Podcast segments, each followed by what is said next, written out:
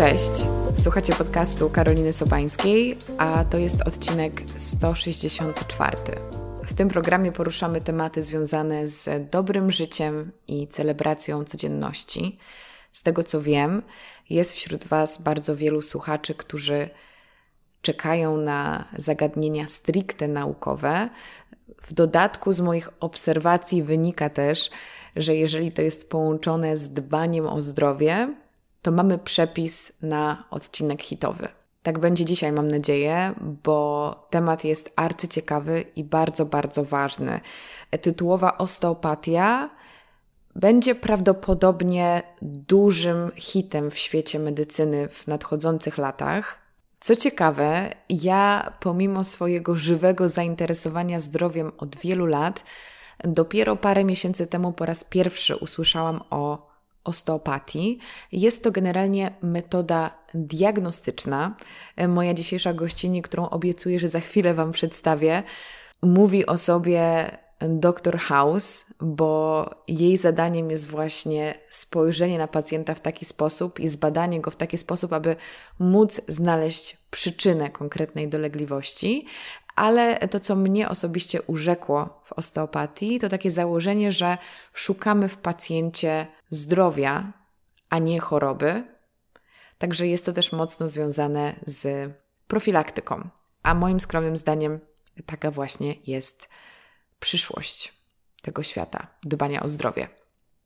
Ale nie będę robiła z siebie ekspertki, bo od tego jest Karo Domarańczyk, która od ponad 8 lat praktykuje osteopatię, ale zajmuje się też medycyną funkcjonalną, o której dowiemy się więcej, ale generalnie to wszystko łączy takie zintegrowane, holistyczne, całościowe podejście do zdrowia, do pacjenta i czerpanie z przeróżnych źródeł po to, aby nas uzdrowić, a raczej utrzymać w tym zdrowiu.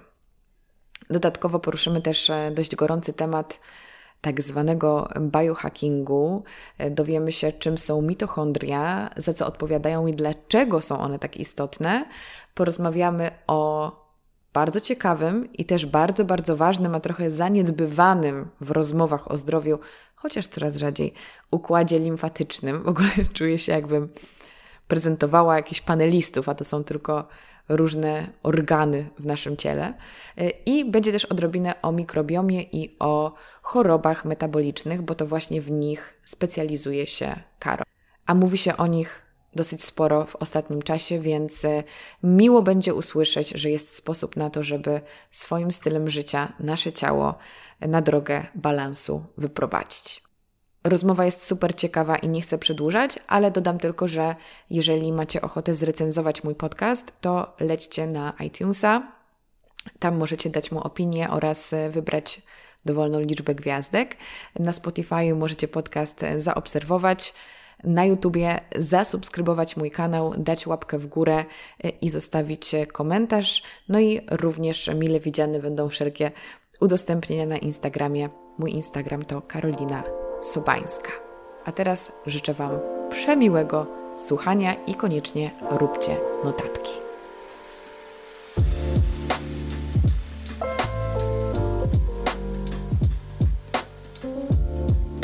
Zastanawiam się, ile razy w podcaście rozpocznę od Cześć Karo, bo już tyle jest Karo w moim życiu. Wbrew pozorom nie mówię do siebie, jest ze mną wspaniała gościni. I zadam Ci na początek takie pytanie, na które odpowiedz tak do trzech słów. Chciałam powiedzieć do trzema słowami. Czy to, czym się zajmujesz, ratuje ukośnik zmienia życia? Tak. Piękna odpowiedź, właśnie na taką liczyłam i to nie było przygotowane. Więc y, powiedz mi, dlaczego w takim razie tak niewiele osób w Polsce słyszało o osteopatii? Hmm, dobre pytanie.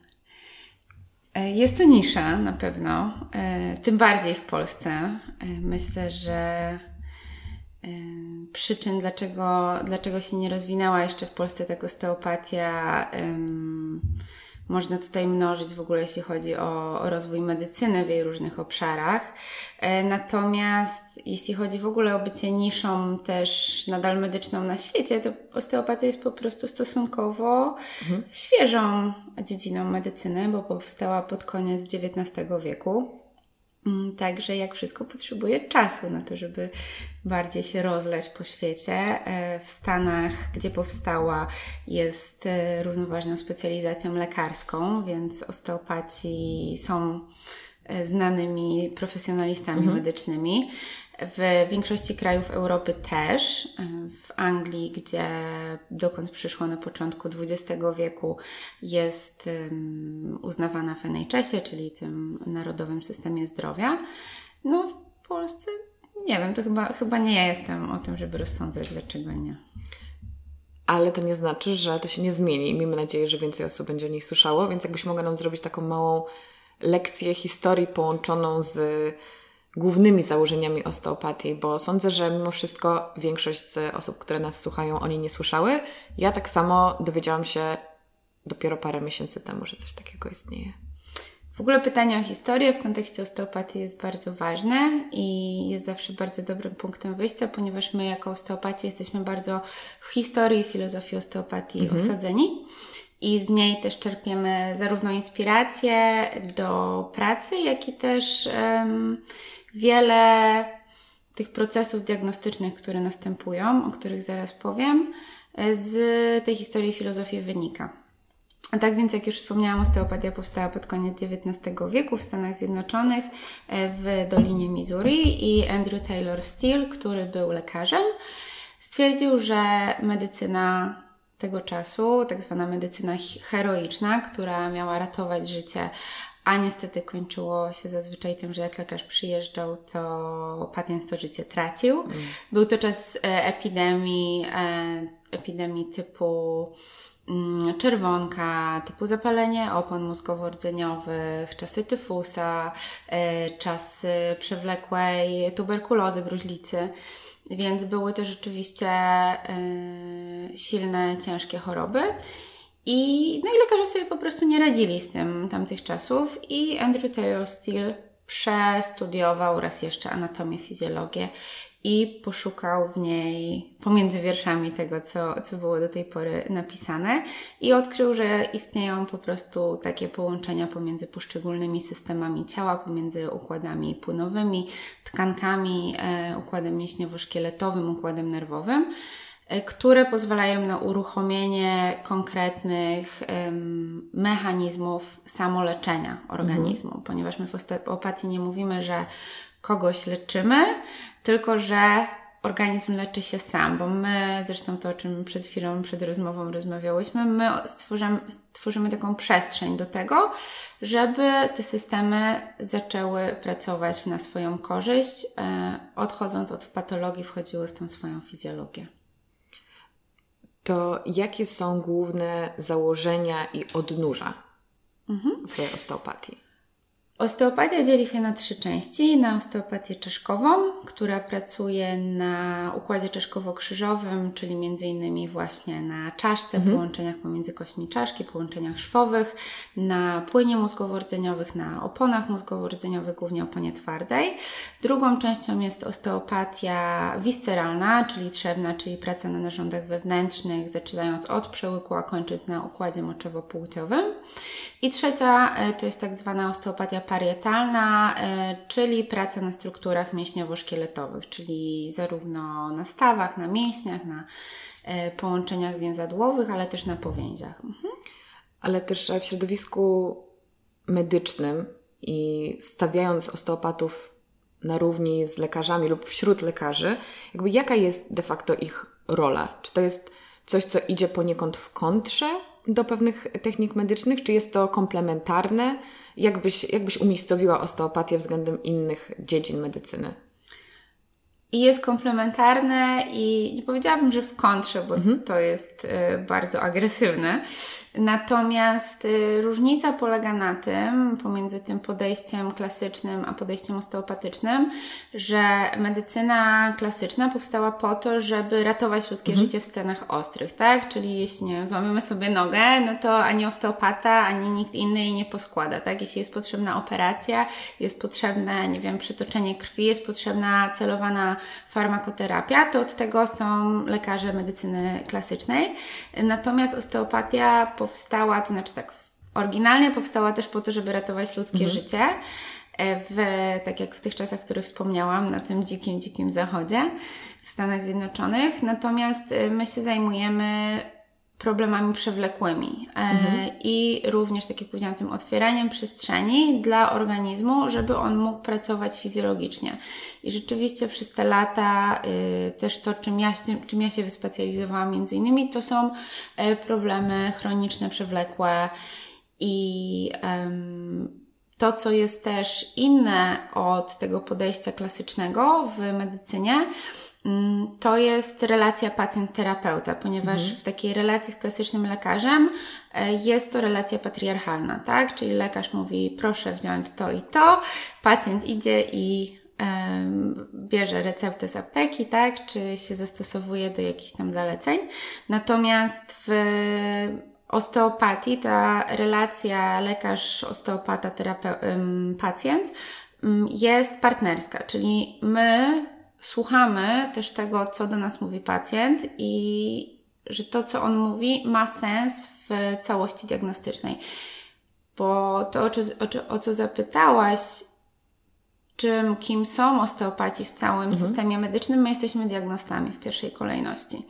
I to, jak ja zawsze tłumaczę i lubię też tłumaczyć, e, na czym polega moja praca, to to jest taka praca jak doktora House'a, tylko właśnie doktor House leczył y, i ratował ludzkie życie w tej fazie ostrej, mhm. Y, a my się zajmujemy tym życiem, dobrobytem pacjenta w powiedzmy całości i na dłuższej przestrzeni jego życia. Ale też powiedziałaś, że pracujemy, pracujecie. Mhm. Ja jeszcze nie. na różnych układach i systemach diagnozujecie, ale to nadal może brzmieć enigmatycznie. Mhm. Co to znaczy? To znaczy, że robicie jakiś skan, czy mhm. konkretne badania? Jakby, jak wygląda ta praca z tymi układami w praktyce? Mhm. Więc...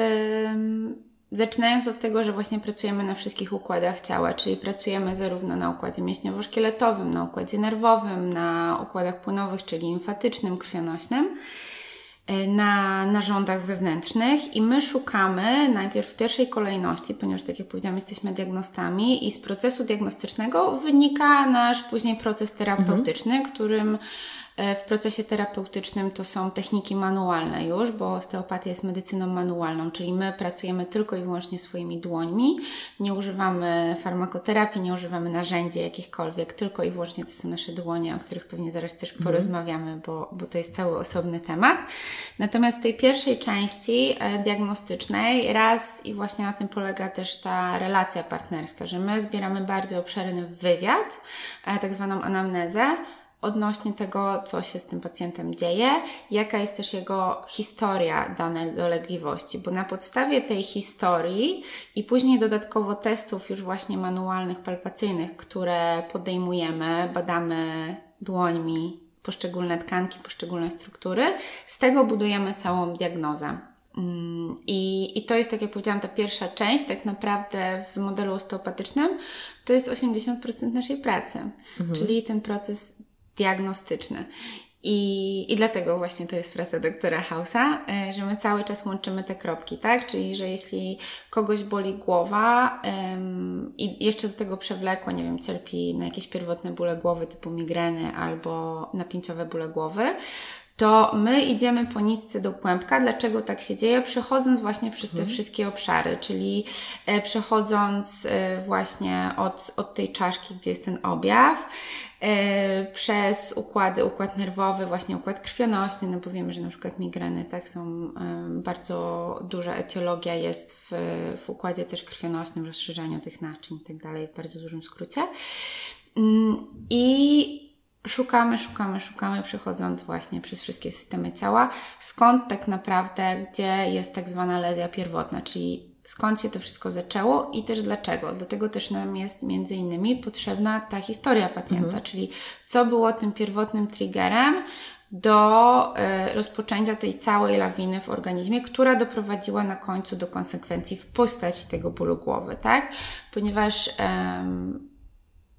to, co chyba już Ci też zresztą mówiłam, że tylko w 25% obszar bólowy pokrywa się z obszarem przyczyny tego mhm. bólu. To jest tylko 25%, tak? Czyli, um, czyli bardzo mało. I dlatego też jak ktoś do mnie przychodzi na wizytę, zwłaszcza pacjenci jak przychodzą po raz pierwszy do osteopaty i mówią na przykład, że nie wiem, bolą boli mnie noga, tak? I są bardzo zdziwieni, że osteopata właściwie nie dotyka ich nogi, albo w ogóle, albo prawie w ogóle i pracuje, nie wiem, dużo na przykład na brzuchu albo na klatce piersiowej. I jak to jest możliwe? To jest jakaś właśnie wtedy się dopisuje całe um, wszystkie etykietki znachorstwa, magii i tak dalej a to jest po prostu czysta anatomia i szukanie właśnie tych zależności w anatomii pomiędzy wszystkimi układami.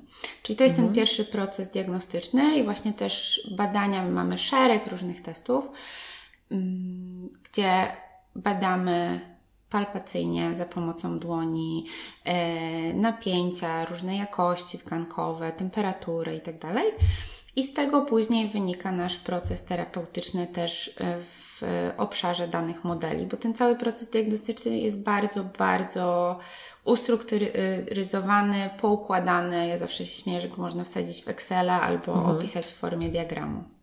Tak a propos bycia w kontrze do medycyny klasycznej, to klasycznej, bardziej konwencjonalnej, choć też właśnie nie chcę, żeby osteopatia stała się to jakąś alternatywą w tej rozmowie, no ale mówię to, mówię, to, mówię to trochę mhm. z przymrużeniem oka.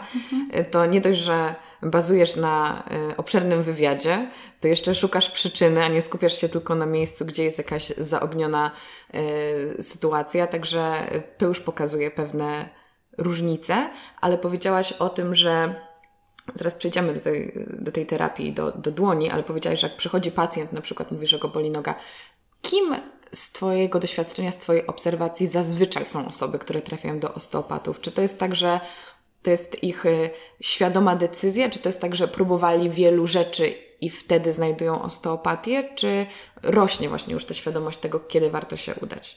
No i kiedy warto się udać? Bardzo szeroka odpowiedź tak. jest na to pytanie. Ponieważ... Powiedz, że to zależy. to zależy. Już e, chodzi też o to, ja już długo pracuję, bo ja pracuję ponad, e, grubo ponad 8 lat i widzę, jak to się też zmienia. I ja jestem też bardzo wdzięczna w ogóle, że mogę tę zmianę mhm. już obserwować na tym etapie pracy. E, I też się zmienia w zależności od specjalizacji osteopaty, ponieważ tak jak każdy lekarz, tak samo osteopata jest wyspecjalizowany w danym obszarze medycyny, tak? Czyli mamy osteopatię pediatryczną, mamy mhm. osteopatię ginekologiczną. Ja się wyspecjalizowałam w zaburzeniach metabolicznych i to, jaki pacjent, czy bardziej, czy mniej świadomy do mnie trafia, się rzeczywiście na przestrzeni tych lat zmieniało. I ja osobiście mam bardzo mało pacjentów, którzy zupełnie nie wiedzą, do kogo przychodzą. Mhm. To znaczy tak, nie wiedzą do końca, co ja będę robić i o co w tym wszystkim chodzi, ale wiedzą, z jaką grupą dolegliwości, z jakimi symptomami mogą się do mnie zgłosić, ponieważ no, jak w większości już w ogóle specjalizacji medycznych, ale też w wielu zawodach. Jest to oczywiście marketing szeptany i stąd najlepsze polecenia idą. E, Zdecydowanie. Tak, e, po znajomości. Mm, I, no i tak też do mnie trafiają pacjenci, tak? Na zasadzie, okej, okay, um, słyszałam, że pomogłaś mojej koleżance, która cierpi na Hashimoto albo cierpi na migreny i stwierdziłam, że do Ciebie dlatego przyjdę i, i słyszałam, że wiesz, będziesz właśnie coś tam robić dłońmi. Um, i, I jeszcze dasz mi jakieś zalecenia, ponieważ ja jestem też praktykiem medycyny funkcjonalnej, w związku właśnie z tym obszarem dolegliwości e, chorób, symptomów, którymi się zajmuję e, na poziomie metabolicznym. I tutaj um, w ramach w ogóle pracy całej medycyny integracyjnej, czyli łączenia mhm. różnych specjalizacji w przypadku no, zaburzeń metabolicznych nie jest możliwe, żeby tylko samo manualne leczenie całościowo było w stanie zapewnić e, długoterminowo tak. pacjentowi, pacjentowi to zdrowie. Mm, więc y, wiedzą mniej więcej pacjenci, czego się mogą spodziewać na zasadzie właśnie, ok, coś tam będę robiła tymi dłońmi, nie wiem co, może trochę będzie bolało, może trochę nie, pewnie dostanę jakieś zalecenia odnośnie żywienia, jakieś badania. Y, także nie mam, bardzo rzadko do mnie trafia ktoś, kto zupełnie, wiesz, po prostu z ulicy przychodzi i, i, nie wie czego się spodziewać. Natomiast oczywiście są nadal pacjenci, którzy twierdzą, że przychodzą na masaż, e, mm, albo to jest mylą, bardzo ciekawa forma masażu. Albo że mylą e, właśnie osteopatę z fizjoterapeutą, co bardzo mm -hmm, często się zdarza mm -hmm. właśnie mhm. szczególnie w Polsce. I, i to właśnie, i też dlatego tutaj jestem, jak do mnie napisałaś, to powiedziałam Ci, że, że to jest ważne, żeby o tej osteopatii rozmawiać, bo ja czuję jako specjalista też tą odpowiedzialność, że jeśli nie my, osteopaci i osoby, które się tym zajmują, będziemy o tym mówić, no to kto, tak? I, i kto z tej niszy zacznie wprowadzać tę dziedzinę do mainstreamu. Ale umiałabyś powiedzieć, komu najbardziej przyda się wizyta u osteopaty, czy wręcz każdy powinien odwiedzić osteopatę? Każdy powinien. Każdy powinien. W wielu krajach już w Europie, mhm. we Francji czy w Anglii osteopaci są traktowani jako taka pierwsza pomoc e, właśnie w różnych dolegliwościach, tak? Czy kogoś boli brzuch, czy są bolesne miesiączki, czy e, się przeziębia, czy właśnie ma tą pierwszą fazę przeziębienia. Mhm i idą w pierwszej kolejności do osteopaty, często nawet nie do lekarza pierwszego kontaktu, ale do osteopaty jako do tego naczelnego diagnosty. Zresztą e, teraz świetnym przykładem, którym lubimy, nie tylko myślę, że ja, ale wiele osób na świecie lubi się podpierać, e, to jest to, że e, główny lekarz naczelny obecnego prezydenta Stanów Zjednoczonych Bidena jest osteopatą. I osteopatii w Stanach Zjednoczonych to jest 10% specjalizacji lekarskich, także bardzo dużo. Mm -hmm. I stąd ma to znaczenie i, i, jest wytłumaczenie w tym, że właśnie tym lekarzem Bidena jest osteopata, ponieważ my jesteśmy diagnostami i my patrzymy, łączymy te różne kropki, tak? Mm, szukając, raz, że szukając przyczyny i szukając tych zależności, ponieważ i to też właśnie ja zawsze mm, mocno podkreślam i dlatego to słowo kontra, wiesz, mi y, gdzieś niekoniecznie gra, że medycyna konwencjonalna, tak powiedzmy, akademicka powstała po to, żeby ratować na stanach ostrych, mhm. ale nie i zajmować się danymi częściami ciała, czy danymi układami, a nie żeby to wszystko łączyć i ona się w tym świetnie sprawdza. Tak. I dlatego, wiesz, te czasy, kiedy pojawiła się właśnie ta medycyna alternatywna i um, jakieś różne koncepcje, które właśnie zaczęły stawać w tej kontrze do medycyny i mówić, a lekarze są B, um, no, to nie jest rozwiązanie mhm. w żaden sposób, tak? Jakby właśnie medycyna integracyjna polega na tym, że integrujemy tak. wszystkie specjalizacje i w zależności, co jest danemu pacjentowi potrzebne, bo raz będzie faktycznie e, wizyta u osteopaty, albo wizyta, nie wiem, u naturopaty, albo wizyta u terapeuty medycyny chińskiej, albo jeszcze wybierz dowolne, tak? A jeśli jest potrzebna farmako- antybiotykoterapia, ponieważ jest e, jakaś infekcja bakteryjna w ciele, to jest ona też potrzebna. I tak jak powiedziałam, jeśli ktoś e, potrzebuje operacji, tak. no to e, naturopata tego nie zrobi, tak? I osteopatia, tak jak medycyna konwencjonalna, my się opieramy na anatomii, na niczym więcej, mhm. anatomii fizjologii ciała i na tej podstawie szukamy tych połączeń w ciele.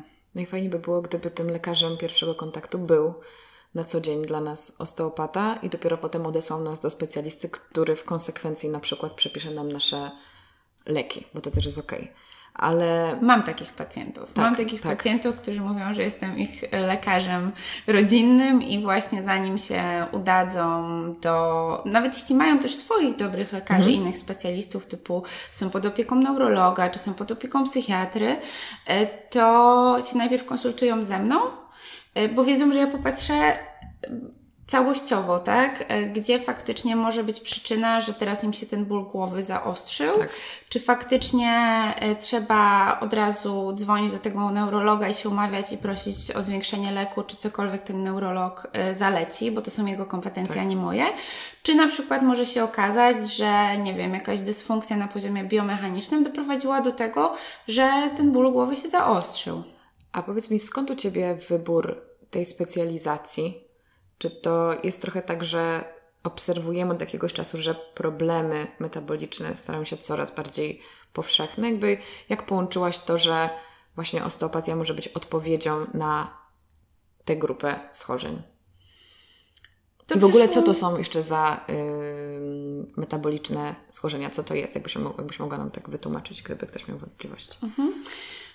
Dolegliwości metaboliczne i wszystkie zaburzenia metaboliczne mhm. są, jak sama nazwa mówi, w obszarze naszego metabolizmu, tak. czyli przetwarzania na poziomie organicznym. I teraz takie jedne z najbardziej popularnych to są e, zaburzenia tarczycy, e, czy, czy są związane z niedoczynnością, czy z Hashimoto, insulinooporność, e, wszystkie zaburzenia na poziomie elitowym, e, popularny IBS, SIBO i to wszystko są wszystko to, co powiedziałam, co się uważa czasami za choroby, to są zespoły objawów, mhm. tak? Czyli to jest diagnoza, która nie mówi nam, gdzie jest przyczyna, tak? No bo ktoś, jeśli ma przyklejoną etykietkę IBS, to znaczy, że ma syndrom różnych symptomów. Mhm. E, natomiast my musimy znaleźć przyczynę nadal, skąd to wynika. Czy to wynika czysto z poziomu, z poziomu właśnie zaburzenia tylko i wyłącznie bakterii jelitowych, mikrobiomu. Stąd właśnie to moje uzupełnienie w chorobach metabolicznych o medycynę funkcjonalną, na którą w moim przypadku głównie składa się e, medycyna mitochondrialna i mikrobiologia. Mm, czy na przykład właśnie też są zaburzenia biomechaniczne, które będą wpływały na, ten, na to jelito drażliwe, tak? Czy na zaburzenie wchłanialności przez to, ponieważ jest załóżmy e, zablokowany poziom kątnicy, na poziomie której wchłania się B12 i D3 i, jakby wszystkie zależności fizjologiczne. E, I, I skąd się wzięła ta moja specjalizacja? E, no, też bardzo organicznie. Ja y, od początku miałam też to szczęście, że współpracowałam ze specjalistą od, od mikroodżywiania akurat. I, I też taki profil pacjentów do mnie przychodził. Na początku w ogóle taką moją największą miłością, którą też jest częściowo do tej pory, była właśnie ta część osteopatii czaszkowej w związku z czym, do której też jest potrzebny właśnie, to już później mówiąc o tym naszym dotyku, tej palpacji, czyli badaniu dotykiem, e, specyficzny rodzaj dotyku, tak? Ponieważ to jest praca na innych poziomach znowu anatomicznych. E, I, I przez to, że ta czaszkowa była takim moim konikiem i, i oczkiem w głowie, to właśnie zaczęło przychodzić do mnie więcej pacjentów z bólami głowy, E, pacjentów z różnego rodzaju objawami ze strony też układu limfatycznego, mhm. który jest szalenie ważny i w osteopatii. E, a trochę właśnie w medycynie tej klasycznej e, został gdzieś odsunięty na bok, a to z niego się biorą, jakby on jest takim parasolem, pod którym się znajdują później wszystkie kolejne schorzenia, bo to jest układ, który jest głównym naszym układem oczyszczającym, oczyszcza nas z tych właśnie największych um, cząsteczek proteinowych jako od, odpadku um, metabolitu. I i stąd jakby ten profil pacjenta, który do mnie mhm. zaczął trafiać i, i gdzieś moje zainteresowania też przez lata sprawiły, że, że w tym się wyspecjalizowałam i w tym się czuję też najpewniej i później właśnie moja praca akademicka ym, i to też doprowadziło do tego, że ponieważ bardzo dużo zaczęłam więcej, myślę, że obecnie to jest 60 procent mojej pracy, nawet do 70, to jest właśnie praca na narządach trzewnych, na narządach wewnętrznych, e, a ponieważ zostałam właśnie asystentem akademickim mojej mentorki z zajęć osteopatii visceralnej, czyli właśnie trzewnej, to wszystko się tak naturalnie, naturalnie połączyło. To jest też bardzo ważne, bo wiele osób, które dostają diagnozę związaną z dolegliwościami metabolicznymi, traktuje to jako pewien wyrok do końca życia, jakby akceptuje to, że czują dyskomfort albo muszą brać konkretne leki, a ty mówisz, że to jest coś, czego można znaleźć przyczynę i co można wyleczyć. I zakładam, że pierwszym etapem jest y, sprawdzenie i zbadanie manualne. Więc możemy teraz przejść do tego magicznego aspektu, czyli czy to oznacza, że wasze ręce są czarodziejskie, czy za tym po prostu idzie nauka i wiedza. To drugie. to drugie. Ja zawsze jak ktoś używa słowa magia, ręce, które leczą. Wróż, wróżki, ręce, które leczą, to ja od razu po prostu sprowadzam to na ziemię mhm. do nauki, ponieważ osteopatia jest nauką, nauką medyczną, czyli osadzona jest w biologii, chemii, fizyce. E, I to, co powiedziałaś też, że, że można znaleźć przyczynę u takich osób, tak, bo generalnie dwóch osób z Hashimoto w żaden sposób tak samo nie będziemy leczyć. Mhm. Tak? Czyli nie ma, jak w każdym leczeniu, nie ma uniwersalnych rozwiązań. I na tym polega nasza praca jako osteopatów, a tak jak mówię, to jeszcze moja komponenta z medycyny funkcjonalnej, która też się zajmuje właśnie leczeniem na poziomie przyczyny i znajdowaniem tej przyczyny. Mm, do tego dokłada się właśnie, jeśli chodzi o specjalizację w, tą, w zaburzeniach metabolicznych. Mm, natomiast y, no nie tylko tak, osteopatia to jest to badanie, badanie głównie palpacyjnie, mm, ale my mówimy w ogóle, wiesz, nasze dłonie, dłonie w osteopatii to jest e, temat rzeka mhm. i to jest taki, jeśli coś ma być rzeczywiście traktowane magicznie i tak może bardziej z większym nabożeństwem i, i uduchowieniem, to są te dłonie, mhm. e, które są po prostu wytrenowane. E, tak jak w każdym zawodzie, e, ja zawsze lubię porównywać e, przykład do, do, do, do osoby, jakiegoś muzyka, który gra na fortepianie mhm. i dla mnie to jest w ogóle niesamowite, co on robi z dłońmi. Jak ktoś się mnie pyta, Boże, jak Ty to robisz, tak? Ja mówię... No, to jest mój zawód, to jest moje mistrzostwo, jakby rzemiosło, z którego pracuję nad mistrzostwem, bo to mistrzostwo, wiadomo, przychodzi latami, latami, latami. E, to tak samo, to tak samo dla mnie to jest niesamowite. Jest to prawie, że magia, co taki muzyk robi ze swoimi dłońmi, grając na tym fortepianie. Mhm. I dla mnie to jest coś zupełnie nieosiągalnego. Więc e, te dłonie, tak, są wytrenowane na poziomie po prostu receptorów, które mamy w dłoniach. E, I my od początku, od pierwszego roku studiów mamy specyficzne ćwiczenia na to, żeby te dłonie trenować, ćwiczyć w połączeniu e, właśnie w połączeniu z naszą głową, tak? Czyli mhm. ta wiedza anatomii e, i fizjologii, którą nabieramy od strony, wiesz, od strony książek, po prostu uczenia się, wbijania sobie w głowę.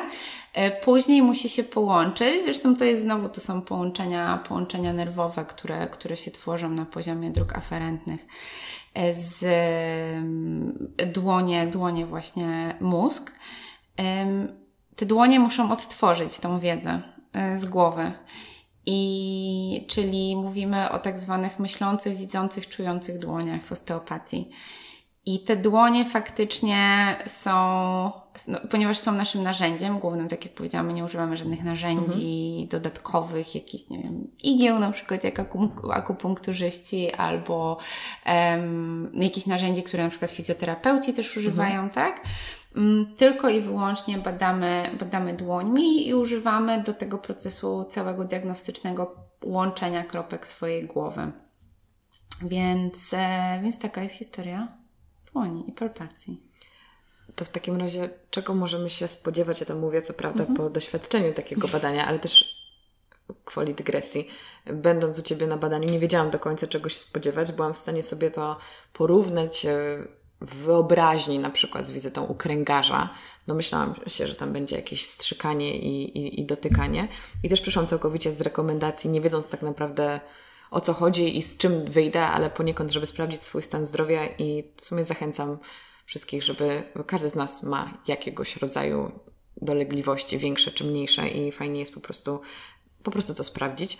Natomiast czego możemy się spodziewać od tych dłoni, od tego dotyku? Jakby co jesteś w stanie zrobić w ciele przez te pół godziny z pacjentem, że to daje już efekt terapeutyczny i no jest całkowicie, jest jakby jest kompletnym badaniem i przy okazji terapią w jednym.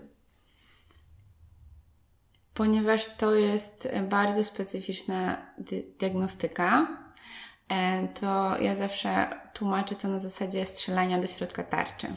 Czyli mhm. na podstawie tej diagnozy ja dobieram te techniki manualne, żeby e, wycelować w jak w jakiś obszar, tak, albo zupełnie lokalnie, w taki punkt, gdzie przyczyna danej dolegliwości, danego zaburzenia, danego dysbalansu w ciele się znajduje.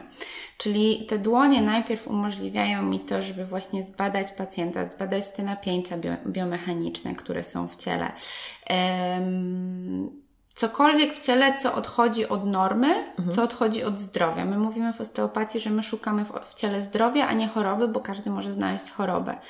Czyli um, te dłonie, um, ponieważ są, są takim narzędziem też, tak, po prostu, są w stanie wykryć te zmiany tkankowe. Wiemy z tej wiedzy zebranej na poziomie głowy, znajomości anatomii, jak powinna być odczuwalna, wyglądać um, tkanka fizjologiczna, tak? Jaka powinna być jej temperatura, w jaki sposób powinna się poruszać, tak? My jesteśmy zbudowani w trójwymiarze, w 3D, więc mhm. tkanki, narządy chociażby wewnętrzne, one się w tym 3D tak samo poruszają. I jeśli um, dłonią um, czujesz, że na przykład żołądek porusza się nie tak, jak fizjologicznie powinien, no to jestem w stanie stwierdzić, że jest jakaś restrykcja, tak? Mhm. Zaburzona, jest, zaburzona jest ta biomechanika e, danego narządu i połączeń później tego narządu. Więc na podstawie tego badania palpacyjnego w połączeniu z tym, co zebrałam w wywiadzie, tak, w anamnezie, e, mając świadomość historii danego pacjenta, skąd mogą, wiesz, zaczynając nawet od, od momentu narodzin, tak, e, i bo ta nauka, która jest tak naprawdę podstawą całej anatomii, to jest embryologia mhm. i to mhm. jest, wiesz, to jest, gdzie mówimy, że anatomia jest podstawą wszystkiego, a jeszcze podstawą anatomii jest embriologia, bo to z tego się wszystko zaczyna, właśnie te wszystkie połączenia pomiędzy, e, pomiędzy układami ciała. E, więc to, co jestem w stanie sczytać za pomocą dłoni w ciele, w połączeniu z znajomością historii przeprowadzonej wcześniej e, wywiadu z pacjentem, daje mi obraz tego, gdzie może być ta lezja pierwotna, mhm. gdzie może być ta przyczyna.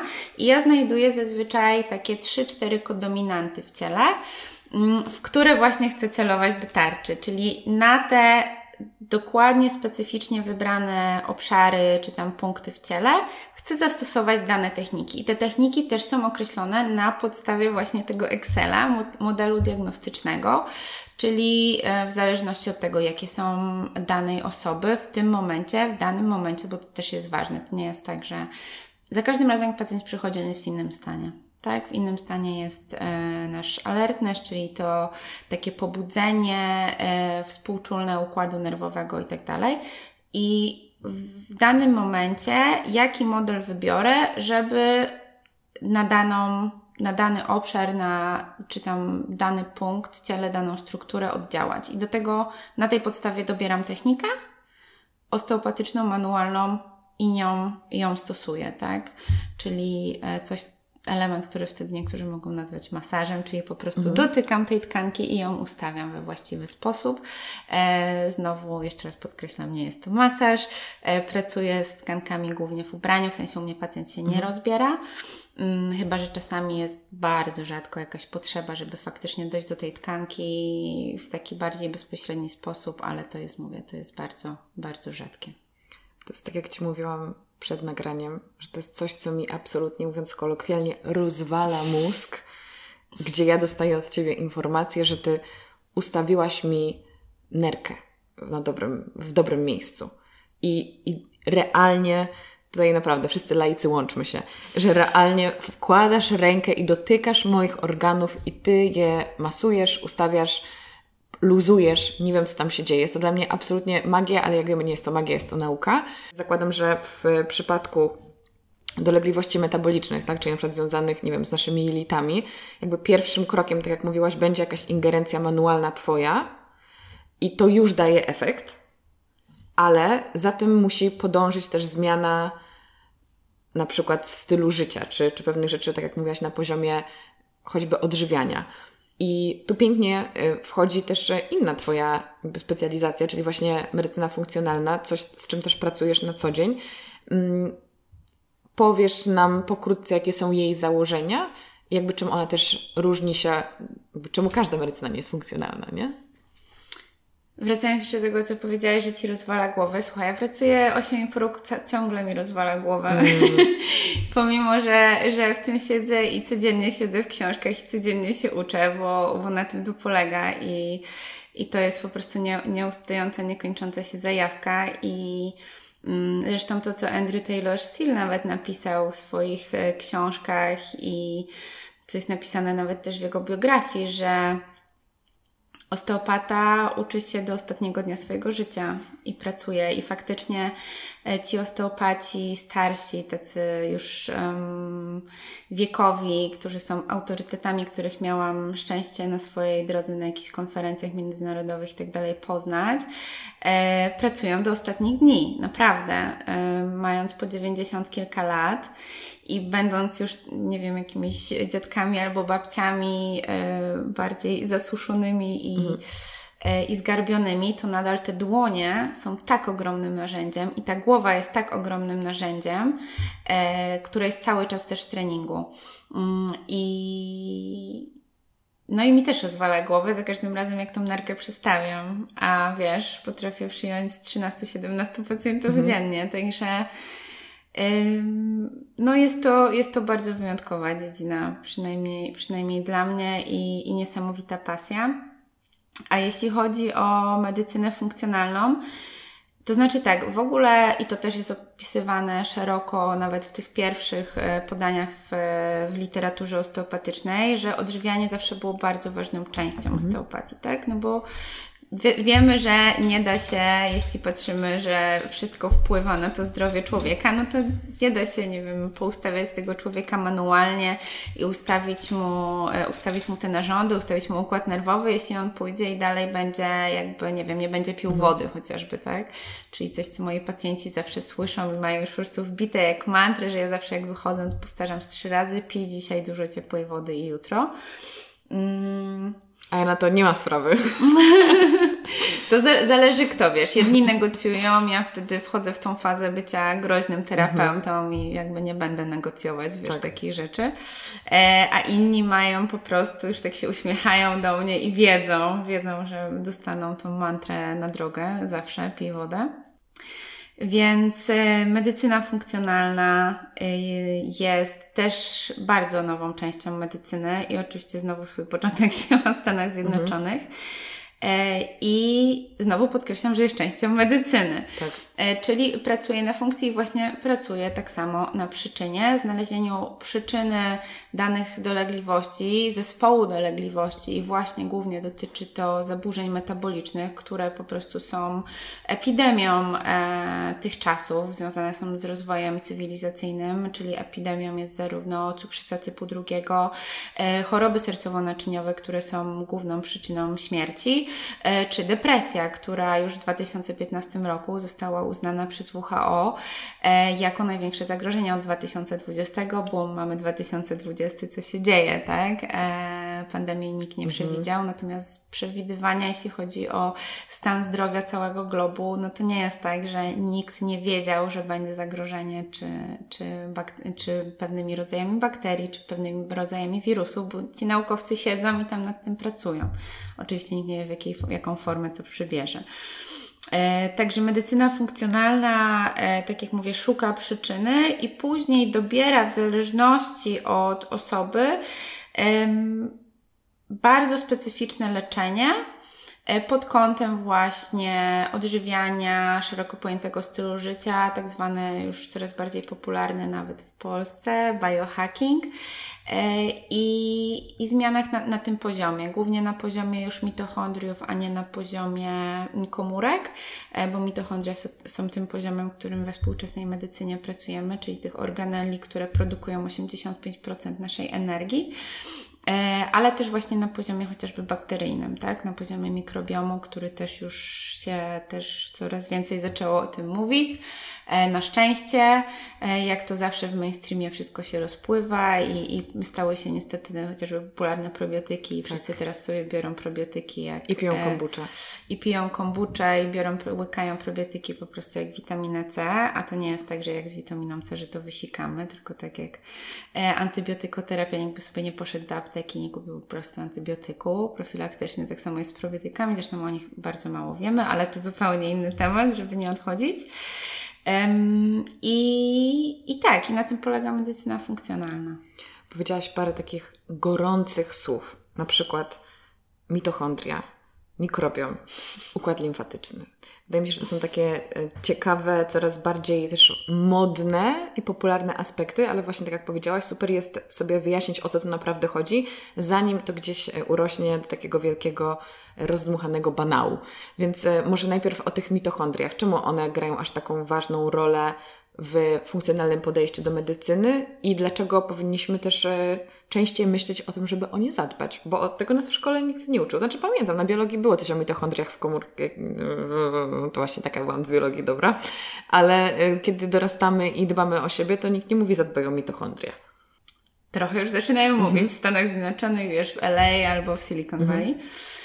I właśnie dlatego, że produkują 85% mhm. energii w naszym ciele, czyli od ich funkcjonowania zależy, czy wszystkie inne systemy, narządy będą w stanie wykonywać swoją pracę. Także stąd doszliśmy już właśnie medycznie i naukowo do wniosków, że to właśnie o nie i że są sposoby, żeby o nie zadbać, tak? To, co niszczy mitochondria głównie, to jest stres oksydacyjny, czyli nadprodukcja wolnych rodników.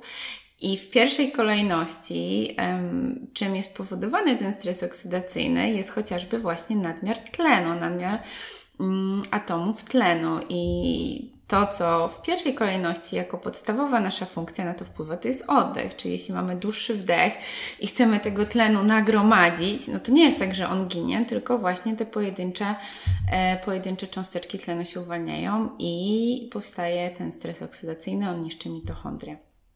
Na tym polega też biohacking właśnie, mhm. że sprawdzamy najpierw podstawowe funkcje Czyli coś, co ja po prostu mam misję i wydaje mi się, że już jestem trochę w tym nudna, że się powtarzam, czyli zanim... Nieprawda, to się tylko to wydaje. ja wiem, że mi się to wydaje i mam bardzo dużo na ten temat zawsze rozmów z moimi przyjaciółmi świadomymi, że Boże, my się wszyscy tak po tak. prostu powtarzamy, ale to właśnie o to chodzi, żeby się powtarzać, czyli zanim e, pójdziemy właśnie do jakichś sophisticated i drogich specjalistów, zanim zaczniemy, pójdziemy w bardzo wymagające, reżimowe, drogie diety, to sprawdźmy taką podstawę, jak ja to nazywam, checklistę zdrowia, mhm. czyli czy właściwie oddycham, czy właściwie się nawadniam, czy mój sen jest wydajny i dobry, czy ym, właśnie moje jedzenie, zanim je zacznę tam komplikować i, i, i zamawiać pudełka albo robić różne dziwne rzeczy, to czy po prostu mam takie czyste to jedzenie, mhm. tak? Nie, nie super przetworzone. E, czy mam właściwą podaż tłuszczy w tej diecie, kwasów tłuszczowych, które są szalenie ważne.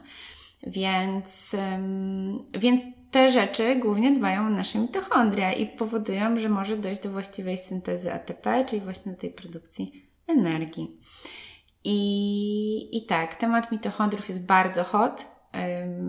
W Polsce może mówię jeszcze nie, ale mhm. temat mikrobiomu już jest tak, bardziej tak, hot tak, w Polsce. Tak. tak jak mówię, stał się bardziej popularny i super. Mm, tylko, że no właśnie, fajnie jakby się wypowiadali też specjaliści, a nie, że to później, jak zawsze wiesz, jak to była taka gra w głuchy telefon, tak, że to, to mm. ginęło gdzieś po drodze tak. i to jak zawsze wiadomo gdzieś, gdzieś ginie i tak samo z probiotykami, bo główną terapią na mikrobiom jest nasza dieta. Ta dieta, która będzie wspierać mikrobiom, a ta, która wspiera mikrobiom to jest właśnie dieta e, bogata w antyoksydanty, które są... E, które są we wszystkich warzywach, tak? Owocach e, właściwie. E, dieta bogata właśnie w tłuszcze, kwasy tłuszczowe, które nam budują e, też tą, tą ścianę jelit i właściwie te profile kwasów tłuszczowych w jelitach. Trochę też cofając się do tego, co powiedziałaś odnośnie, odnośnie tego przestawiania nerki, wiesz, jak to jest ważne, czy tam narządów w chorobach metabolicznych, tak, natomiast bardzo ogromnym naszym narzędziem w osteopatii, na którym pracujemy, jest wpływ na układ autonomiczny nerwowy, mhm. czyli ten, który odpowiada za nasz, e, naszą reakcję na stres i powrót po stresie do równowagi. To jest ten układ, który zaopatruje w większej części nasze narządy wewnętrzne. I przez e, mamy różne narzędzia, różne techniki, które, na których możemy, dzięki którym możemy właśnie na tym układzie pracować. I dzięki temu oddziaływać chociażby właśnie na te zaburzenia mm, z poziomu metabolicznego, zaburzenia na poziomie chociażby pracy jelit, już jak się ich tutaj mhm. kolokwialnie mówiąc czepiłyśmy. E, ponieważ no, są też już badania, które nam pokazują chociażby e, połączenie układu autonomicznego na poziomie e, jelita grubego, okrężnicy, akurat okrężnicy wstępującej, z produkcją mm, konkretnych bakterii jelitowych i albo ich wzrostem, albo ich ubytkiem, wyjaławianiem.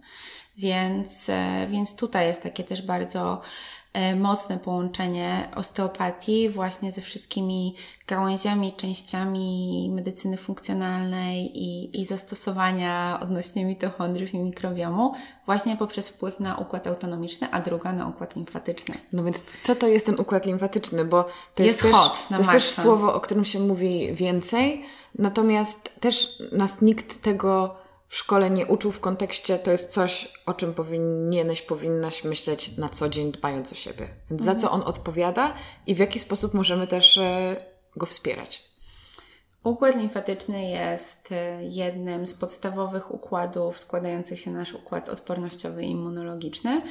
I to, co powiedziałam wcześniej, to jest główny układ oczyszczający, czyli tak jak nasza wątroba oczyszcza krew, tak samo tak układ limfatyczny poprzez e, oczyszczanie limfy w niej krążącej chłonki pozbywa się tych dużych cząsteczek proteinowych, czyli nasza wątroba nie jest w stanie się ich pozbyć, tylko właśnie odpowiada za to układ limfatyczny. I tu jest znowu e, to oczyszczanie z kolei tych mitów wszystkich na zasadzie, na, na podłożu popularnych detoksów i tego właśnie oczyszczania organizmu z metali ciężkich itd. Tak Podstawowym oczyszczaniem naszym na co dzień jest właśnie dbałość i właściwie funkcjonujący układ limfatyczny. Głównym narządem układu limfatycznego jest śledziona, która jak wiemy jest też e, tym narządem, który jest tym pierwszą, pierwszą odpowiedzią w momencie, kiedy atakują nasze jakieś zewnętrzne, zewnętrzne czynniki, dochodzi do produkcji właśnie limfocytów T i tak dalej z poziomu śledziony. I poprzez wspomożenie układu limfatycznego my zyskujemy tą odporność i właściwie się oczyszczamy. I e, jeśli ktoś chce właśnie robić jakieś detoksy, jeszcze do tego, nie daj Boże, sokowe albo jakieś strasznie restrykcyjne. Binder done that, że tak powiem. Wiele osób, tak? Wiele osób binder done that, e, no ale jakby chcemy być coraz mądrzejsi tak. w dbaniu o siebie, bo to nie chodzi o to, że mamy być fajni i mądrzy, tylko po prostu mądrze, mądrze dbać o tą swoją anatomię to właśnie ktoś sobie robi detek sokowy, a jednocześnie nie chodzi, nie pompuje tego układu limfatycznego i nie popije jednocześnie dużej ilości wody, no to tak naprawdę ten organizm tak się nie, albo nie śpi. I tak się nie oczyści, bo sen, mamy coś takiego jeszcze jak układ, układ glimfatyczny. Układ glimfatyczny to jest układ limfatyczny na poziomie naszego mózgu i układ glimfatyczny, który odkryto bodajże 4 lata temu. Wow. Także my naprawdę nie Za 200 wiemy. lat w Polsce będą uczyć o tym. Może. Um, układ glimfatyczny jest, od, odkrycie układu glimfatycznego odpowiedziało na pytanie, dlaczego my śpimy. Okay. My śpimy po to, żeby mózg mógł się oczyścić. Bo dokładnie wtedy, kiedy my przechodzimy w fazę snu, znaczy w, nie w fazę, tylko jakby w sen i w cały cykl, cykl senny, tak, bo fazy snu mamy cztery, to y, mózg zaczyna się oczyszczać. E, I właśnie komórki glejowe, e, czyli dlatego my nazywamy układem glimfatycznym, mhm. a nie limfatycznym, żeby rozróżnić, że on jest charakterystyczny dla mózgu, zaczynają nam oczyszczać mózg z tych znowu produktów ubocznych metabolitu. E, więc e, co wspiera nasz układ limfatyczny, czyli ten, który jest na poziomie całego ciała na co dzień, oprócz snu na poziomie mózgu, to tak jak już powiedziałam, właśnie chodzenie, mhm. E, dzięki czemu następuje to pompowanie takiego układu limfatycznego i ta chłonka pompująca następuje ten właściwy jej odpływ, tak zwany drenaż, też żylno-limfatyczny, a jak wiemy, układ żylny jest tym, który odpowiada za odprowadzenie tej odtlenowanej krwi z powrotem. E, woda, duże, duże ilości wody. Duże ilości wody, e, które. Niezimnej. Niezimnej, ciepłej, a jeszcze często też z dodatkiem soli, e, kilka razy w ciągu dnia. Bo to faktycznie wspiera, wspiera oczyszczanie tego układu limfatycznego.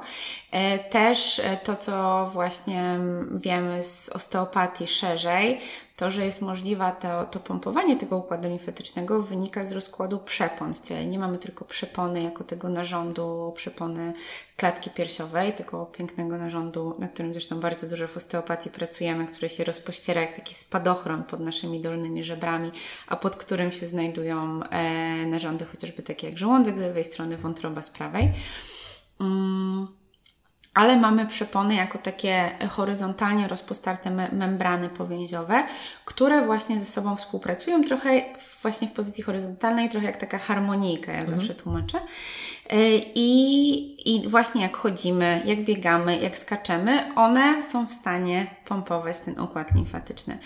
Y, co jest też fajne i co tutaj um, jest ukłon duży w stronę jogi, wszystkie pozycje odwrócone. No, jakby cały czas my tą grawitacją ściągamy się, działamy w przeciwnym ruchu, kierunku do, do układu limfatycznego, ponieważ on pracuje do góry, tak, do, do głowowo, a no wiadomo, że grawitacja ściąga nas w dół, um, cały system doogonowo, więc e, pozycje odwrócone, uwzględnienie ich w ciągu dnia, dlatego jest też tak ważne i korzystne dla układu limfatycznego, oprócz tego, że jeszcze dzięki temu odpoczywa nasze serce, ale to jest już trochę o czym innym.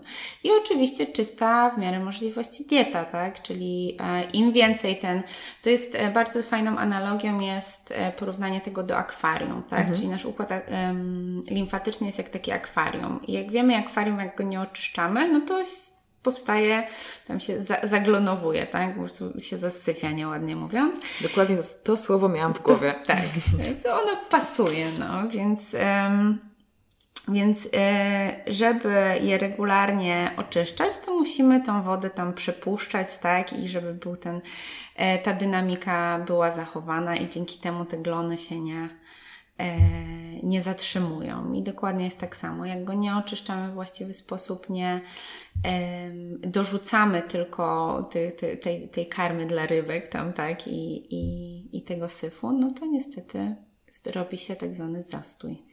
Ale powiedziałaś o śledzionie, jednak układ limfatyczny jest w całym naszym ciele. Czy można tak. wskazać jakby takie najważniejsze punkty dla niego, jakby gdzie on przepływa, żebyśmy sobie mogli wyobrazić, gdzie ta limfa płynie, bo o to chyba chodzi w układzie limfatycznym. E, tak, on płynie w całym ciele. Mamy naczynia limfatyczne, które płyną od, od naszych stóp, od, e, od kostek aż do głowy, także w całym ciele ten układ limfatyczny, naczynia limfatyczne, węzły limfatyczne, gdzie mamy po prostu też pewne zbiorniki limfatyczne odprowadzające e, z danych narządów, z danych obszarów nagromadzone jako, jako właśnie te węzły mniej lub bardziej ważne. No, trochę w anatomii nie ma tak, że coś jest mniej lub bardziej ważne. My oczywiście lubimy sobie dopisywać, co, co jest w danym momencie bardziej. Natomiast największe nagromadzenie e, naczyń limfatycznych jest właśnie na poziomie jelita cienkiego. Stąd, jeśli e, mamy chociażby z takiego poziomu e, oddechu i wzorca oddechowego nieprawidłowego zablokowaną ruchomość naszej jamy brzusznej, to e, ten odpływ, drenaż żylno-limfatyczny z poziomu jelita cienkiego nie będzie możliwy. I dlatego samo zadbanie o dietę na zasadzie diety pod kątem już tego czepmy się IBS-u, o którym mówiłyśmy wcześniej, czyli zespołu jelita nadwrażliwego, e, jest właśnie niekompletny, tak? Czyli ok, dbamy o dietę, ale nie oddychamy prawidłowo, no to nadal ta funkcja będzie zaburzona na poziomie tego jelita cienkiego.